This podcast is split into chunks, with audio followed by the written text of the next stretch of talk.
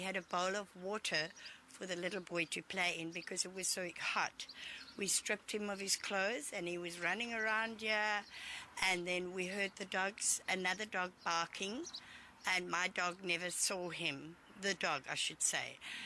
And uh, I don't mean it ugly, but he went blind. And the mother was busy feeding the child. The child was right here at her chest. Um, He was, his mother was busy feeding him cake, and all of a sudden the dog just grabbed him, um, ran to the gate behind me, and I jumped on the dog, put my fingers up his nose. He let the dog, the child go, and then we rushed him to hospital. My neighbour Clinton took us. Any form of responsibility are you taking with regards to having this domestic dog which killed this child? Um, I would say yes, but no as well.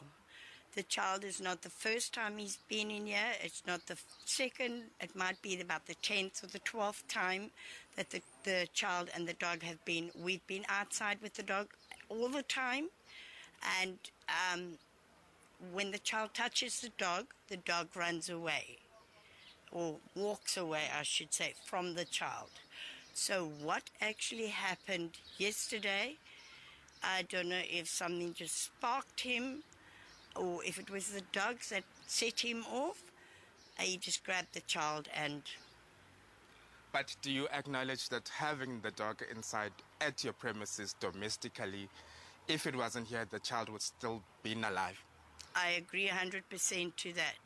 But as I say, I mean, the mother and the mother, myself, and the child and the dog were all here together. But I, I'm not blaming the other dogs. Please don't think that. But I think maybe just that barking that he couldn't see the other dog, it just set him off to grab the first sorry person thing available. Do you, the efforts that you made to save the child, um, would you say you did enough? Because this is your dog. It, it's your dog. You've been. How long have you ha- had this dog? I've I've had the dog for about a year and a half to two years. I'd say a year and a half to two years. And the calls for them to be banned. What's your view on that? No, I don't think they should ba- be banned. It's not the dog's fault that the people don't know how to bring a dog up. But yours took a life, an innocent yeah. life. yes, I agree. I took my dog took a life, but the thing is, um, I have, uh, as I say, I've only had him for two years. If he was a puppy, I would have brought him up totally different. And um, have you been in contact with the police since now the, uh, an investigation is underway? Uh, the police were at the hospital yesterday. They asked me all the information you are asking me. I gave them the best results that I knew how. Um, there is going to be a docket, I mean, there is a docket open, and we'll just wait and see what happens after that. In light of this incident, would you own another pit bull? Yes, I would. I definitely would. as far as I'm concerned, they're lovable, they're trustworthy, extremely protective. You won't come into any of these gates without calling me.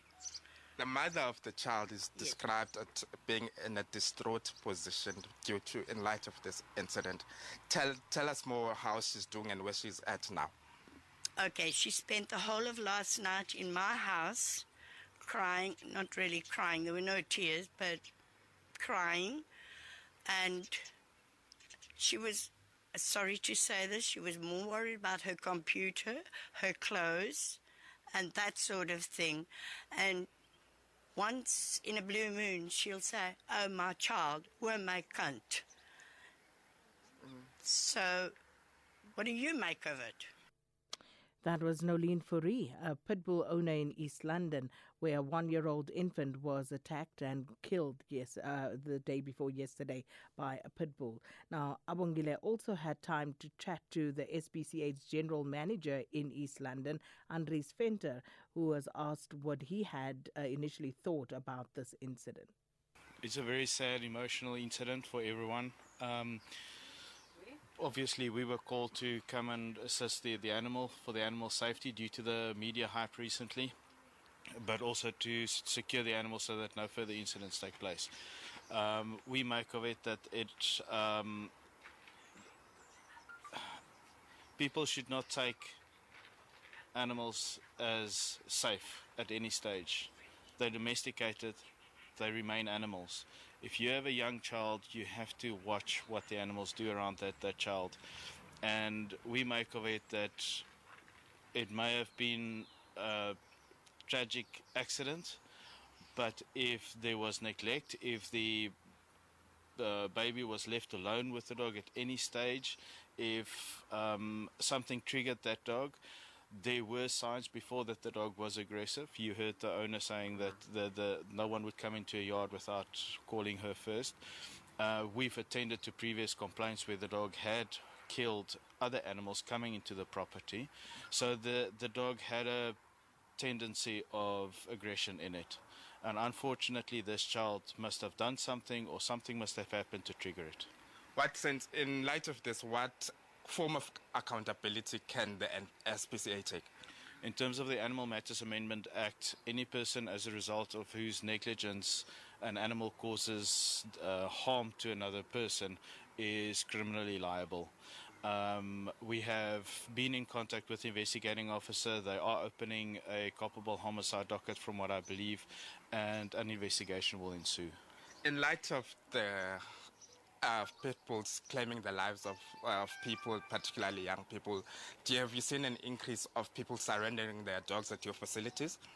Oh, definitely. We have had a huge increase in animals being surrendered. We have had increased calls of people saying, Is it law that I have to hand my animal over?